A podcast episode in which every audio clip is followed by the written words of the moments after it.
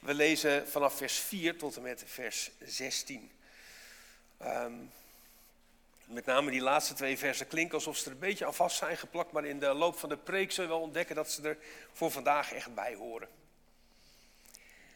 Toen hij, dat is Jezus, eens bij hen was, droeg hij hun op: Ga niet weg uit Jeruzalem, maar blijf daar wachten tot de belofte van de Vader, waarover jullie van mij hebben gehoord, in vervulling zal gaan. Johannes doopte met water, maar binnenkort worden jullie gedoopt met de Heilige Geest. Zij die bijeengekomen waren, vroegen hem: Heer, gaat u dan binnen afzienbare tijd het koningschap over Israël herstellen? Hij antwoordde: Het is niet jullie zaak om te weten wat de Vader in zijn macht heeft vastgesteld over de tijd en het ogenblik waarop deze gebeurtenissen zullen plaatsvinden. Maar wanneer de Heilige Geest over jullie komt, zullen jullie kracht ontvangen en van mijn getuigen in Jeruzalem, in heel Judea en Samaria tot aan de uiteinden van de aarde. Toen hij dit gezegd had, werd hij voor hun ogen omhoog geheven en opgenomen in een wolk, zodat ze hem niet meer zagen. Terwijl hij zo van hen wegging en zij nog steeds naar de hemel staarden, stonden er opeens twee mannen in witte gewaden bij hen. Zij zeiden, Galileërs, wat staan jullie naar de hemel te kijken? Jezus die uit jullie midden in de hemel is opgenomen, zal op dezelfde wijze terugkomen als jullie hem naar de hemel hebben zien gaan. Daarop keerden de apostelen van de Olijfberg terug naar Jeruzalem. Deze berg ligt vlakbij de stad op een sabbatsreis afstand. Toen ze in de stad waren aangekomen, gingen ze naar het bovenvertrek waar ze verblijf hielden. Petrus en Johannes, Jacobus en Andreas, Filippus en Thomas, Bartholomeus en Matthäus, Jacobus de zoon van Alfeus en Simon de ijveraar en Judas de zoon van Jacobus. Vurig en eensgezind wijden ze zich aan het gebed, samen met de vrouwen en met Maria, de moeder van Jezus, en met zijn broers. In die dagen stond Petrus op, te midden van de leerlingen. Er was een groep van ongeveer 120 mensen bijeen en zei, broeders en zusters, het schriftwoord waarin de Heilige Geest bij monden van David heeft gesproken over Judas, de gids van hen die Jezus gevangen hebben genomen, moest in vervulling gaan. Tot zover belangrijke versie hierbij is die Petrus die opstond in het midden van de leerlingen. Lieve mensen, lieve broeders en zusters. Ik heb mijn vrouw destijds leren kennen via internet. Via zo'n christelijke datingsite. Inmiddels is dat helemaal niet zo bijzonder, maar een kleine twintig jaar geleden was het dat nog wel. En het blijft apart elkaar zo leren kennen via een website. In plaats van tijdens jeugdkamp of uh, op school of scouting of, of voetbal of, of, wat dan ook. Het, het blijft apart omdat je elkaar al best goed leert kennen, maar elkaar nog niet heel erg in het echt hebt gezien. Hooguit een paar fotootjes. En Nettie en ik mailden ongeveer een maand met elkaar nadat we elkaar voor het eerst eens echt aan de telefoon kregen en, en uiteindelijk een afspraakje maakten. En, we merkten dat via de mail het contact heel soepel en plezierig verliep. Maar toen we voor het eerst echt tegenover elkaar zaten, moesten we eigenlijk weer een beetje opnieuw aan elkaar wennen. En een beetje vertrouwd raken met elkaar op een andere manier. Nou, dat is gelukkig goed gekomen. En ik trap misschien een open deur in, maar voor een relatie, een echte relatie, is fysieke aanwezigheid toch wel van doorslaggevend belang. En ik ben ervan overtuigd dat Nettie en ik al over de mail met elkaar uh, verliefd raakten. Maar, maar het werd natuurlijk pas echt wat toen we elkaar konden zien ja, en ook aanraken. Nou, ik moest hier allemaal even aan denken toen deze dag weer naderde, hemelvaart. En zoals Nettie en ik elkaar eerst op afstand uh, mochten en moesten leren kennen en daarna de vreugde van een daadwerkelijke ontmoeting hadden, zo lijkt het bij hemelvaart wel helemaal andersom. Eerst was Jezus er in zijn fysieke aanwezigheid. Konden we hem zien? Konden we hem horen? Konden we hem aanraken? Kon hij ons ook aanraken? Maar nu is hij weg. En, en moet het met minder doen. Zo lijkt het in ieder geval, zo voelt het. gebeurt natuurlijk wel degelijk iets heel erg moois en raaks met hemelvaart. Iets dat die lichamelijke aanwezigheid van Jezus Christus letterlijk en figuurlijk overstijgt. En, en, dan zien we allerlei wonderlijke woorden die dat allemaal onderstrepen. Er staat bijvoorbeeld, hij werd verhoogd. Niet alleen in letterlijke zin, hij werd verhoogd in die wolk, maar juist ook werd hij verhoogd in status. Mij is gegeven alle macht in de hemel en op aarde, zegt Jezus. En hij werd opgenomen. Ook hier niet alleen letterlijk, zoals opgenomen in de hemel, in de wolk, maar ook opgenomen in de rangen en standen van de hemel. Hij nam zijn positie in, hij nam zijn taken aan. Dus de hemelvaart, eh, zoals wij dat geloven en zoals we dat lezen, is niet alleen een fysieke gebeurtenis, maar ook een hele formele gebeurtenis. Op het moment van hemelvaart vallen er een aantal zaken op hun plek. Ten eerste, Jezus keert terug naar zijn vader. Zoals de bedoeling was, zoals hij ook al heeft voorzegd. Bijvoorbeeld tegen Maria in de tuin, vlak nadat ze elkaar tegenkwamen na de opstanding. En dan zegt hij, hou me niet vast, dat, dat kan ook niet. En hij zegt tegen haar, ik ben nog niet opgestegen naar mijn vader. Ga naar mijn broers en zussen en zeg tegen hen dat ik opstijg naar mijn vader, die ook jullie vader is. Naar mijn God, die ook jullie God is.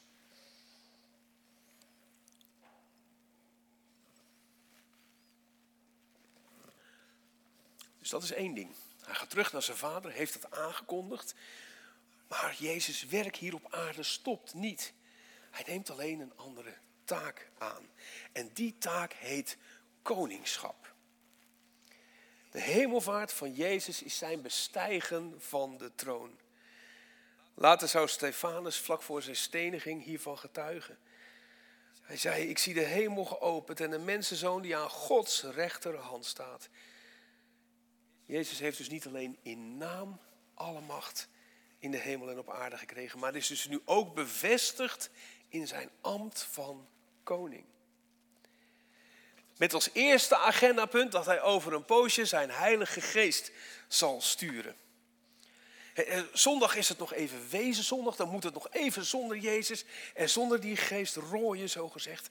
Maar dan zal het Pinksteren zijn. En terwijl de Heilige Geest dan hier zijn ongekende, mooie en enthousiasmerende werk doet, dan neemt Jezus zijn taak op als bemiddelaar en hoge priester. Want er is maar één God, staat er geschreven.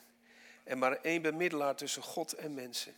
De mens Jezus Christus, die zichzelf gegeven heeft als losgeld voor allen, als het getuigenis voor de vastgestelde tijd. Dit alles dus om voor te bereiden op de grote dag. Dat hij weer terug zal komen. En dat zijn koning en rechterschap hier op aarde weer werkelijkheid wordt. Dus met andere woorden, op hemelvaart wordt een belangrijk deel van onze geloofsbeleidenis, werkelijkheid en waarheid. Hij zit ter rechterhand Gods, des almachtige vaders, van waar hij komen zal om te oordelen de levenden en de doden. Moest ook denken aan dat oude lied wat we wel eens zongen. Vroeger al heeft hij ons verlaten, hij laat ons nooit alleen.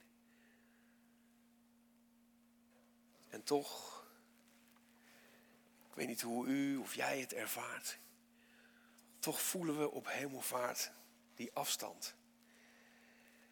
En, die twee engelen uit de schriftlezing die maken het allemaal nog eens pijnlijk duidelijk. Hij is opgenomen. Hij komt terug, maar nu dus nog even niet. En zelfs de komst van de Heilige Geest, die beloofd is, die heerlijke dingen gaat doen, die leidt, die stuurt, die, die beweegt, die stimuleert. Ondanks dat grote geschenk voelt het alsof we zonder Hem verder moeten. Zo'n gevoel dat je hebt als een geliefde van je ver weg woont, in het buitenland bijvoorbeeld. En je kunt whatsappen en, en skypen en, en, en wat dan ook. En op allerlei manieren contact hebben, maar het fysieke contact, dat is niet mogelijk. Nou, dat gevoel van hemelvaart, ik weet niet of u dat een beetje herkent. We snappen wat er gebeurt. We begrijpen waarom het gebeurt. En dat het allemaal noodzakelijk is. En toch missen we Hem. Want we willen Jezus graag aanraken. Bij ons hebben. Dat Hij ons ook aanraakt. Aanraking is zo verschrikkelijk belangrijk. En ik denk dat ik na corona dat niemand meer uit hoeft te leggen. We hadden er zelfs de term huidhonger voor, weet je dat nog? Diepe verlangen om aangeraakt te worden op het niveau dat het op honger lijkt. Nou, zo snakken wij. En misschien wel heel onbewust. Naar de lijfelijke aanwezigheid van God in ons midden. En we kijken er sinds deze dag rijkhalsend naar uit. Er is natuurlijk ook iets bijzonders aan de hand met het lijf, het lichaam van Christus. En op Hemelvaartsdag wordt dat nog eens extra onderstreept. Misschien wel juist ook door de afwezigheid van de lichamelijke Jezus, zoals we hem hebben gezien en konden aanraken. Of, of misschien wel juist vanwege die overgang van uh, de lijfelijk aanwezige Jezus op aarde naar de Jezus die in de hemel zit. En, en die zitting heeft aan de rechterhand van God. En met dat alles voor ogen is het misschien wel eens goed om ons te realiseren dat, juist op hemelvaart, dat het lichaam van Christus ons eigenlijk nooit echt verlaten heeft. Ja, wel in letterlijke zin natuurlijk. Hij werd opgenomen, omhoog geheven voor hun ogen, opgenomen in een wolk, zodat ze hem niet meer zagen. Voetzie, weg. En toch is hij er nog op de manier zoals hij zelf heeft gezegd en, en zijn discipelen ook hebben verteld aan ons. En als wij denken over het lichaam van Jezus, van Jezus Christus, over, over zijn fysieke aanwezigheid, kunnen we er denk ik op drie manieren over nadenken. Het lichaam als in vleeswording, het lichaam als in verwijzing en het lichaam als in vertegenwoordiging. Nou, de vleeswording, ik vind altijd een beetje een apart woord, maar dat is denk ik wel waar we het meest vertrouwd mee zijn. En met Johannes 1, vers 14 bij de hand is het duidelijk. Het woord is vlees geworden, is mens geworden. Het heeft onder ons geleefd. En dat is ook het springende punt in ons christelijk geloof. Geen ander geloof in de wereld heeft dit. Wij geloven dat God mens werd. God, een, een bovennatuurlijke entiteit, zoals Wikipedia zegt, die mens van vlees en bloed werd, tastbaar aan te raken. Alleen zo kon hij onze zonde dragen en ze wegwassen. Alleen zo kon hij onze wonden op zich nemen en ze laten genezen. Alleen zo kon God onze tranen plengen en ze laten versmelten in vreugde.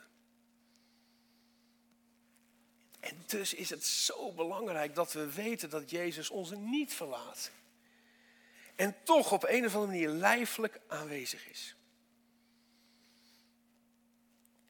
Nou, en, dat zien we onder andere in de aanwezigheid van het lichaam van Christus in het heilige avondmaal. Zoals Jezus het zelf heeft ingesteld. In de nacht waarin de Heer Jezus werd uitgeleverd, nam hij een brood sprak het dankgebed uit. Hij brak het brood en zei: Dit is mijn lichaam voor jullie. Doe dit telkens opnieuw om mij te gedenken.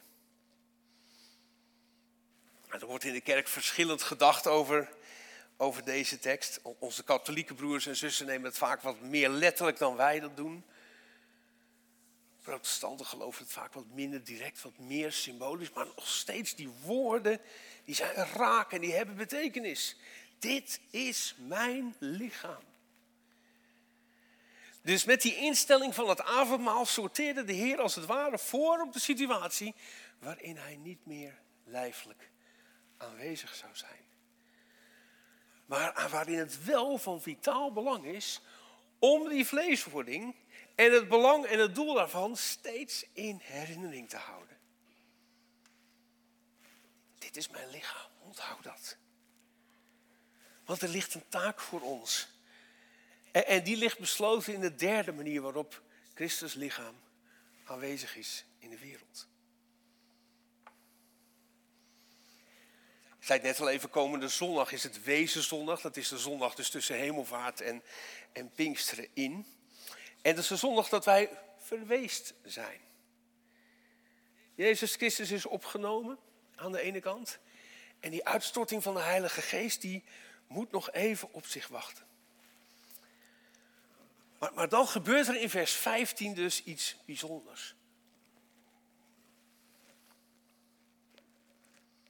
Vers 15 waarin we lezen, Petrus staat op te midden van de leerlingen. Petrus staat op. Nou, als wij christenen het woord opstaan horen, dan gaan we opletten. Dan worden we wakker met elkaar. Want er gebeurt er iets bijzonders. Petrus staat op. En, en, dat woord voor opstaan is hetzelfde woord dat wordt gebruikt in Lucas 24, vers 46, om de opstanding van Jezus Christus te omschrijven. Dus het is niet zomaar een opstaan vanuit je stoel of vanuit je bank, zoals ik net deed, om het woord te nemen. Maar het is een opstaan zoals wij dat kennen in ons christelijk geloof. Opstaan uit de dood. Petrus stond op vanuit de verlogenende Petrus die hij was. In de leidende, met korte ei Petrus, de getuigende Petrus die hij mag worden. We zien hier de ware Petrus opstaan. Niet die Petrus die Jezus drie keer verloochent, maar de Petrus waarvan Jezus drie keer zei, wijd mijn lammeren. Petrus is het hier, die als eerste, zo mooi tussen hemelvaart en Pinksteren in, de taak op zich neemt die Jezus ons toebedeeld heeft. Namelijk om de kerk, om het lichaam van Christus in de wereld te zijn. Juist tussen de gang van Christus naar de hemel en de komst van de Heilige Geest naar de aarde wordt het duidelijk hoe het lichaam van Christus op weg naar Pinkster en op weg naar de grote dag vertegenwoordigd wordt op aarde. Namelijk gewoon in mensen zoals Petrus en in mensen zoals u en jij en ik. Iemand omschreef het eens als volgt. De kerk is het lichaam van Christus. En dus is het een hemels en een aardslichaam. De kerk is de gemeenschap der heiligen. En haar leden bestaan uit zowel engelen als herders, als uit cherubims en serafims en uit jou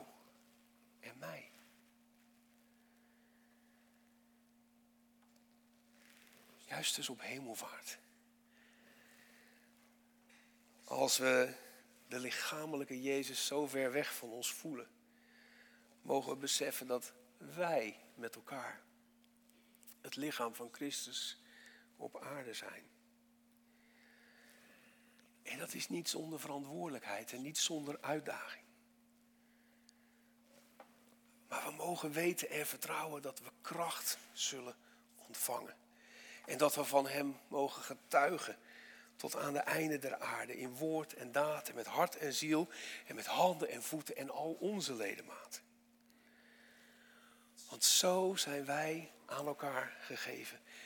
Wij zijn de ledematen. Maar hij is het hoofd. Wij zijn de boodschappers van zijn genade, maar hij is de middelaar. Wij zijn de ambassadeurs van zijn liefde, maar hij is de koning. En wij zullen hem dienen, hem volgen, verkondigen en vertegenwoordigen. Tot hij komt. Amen.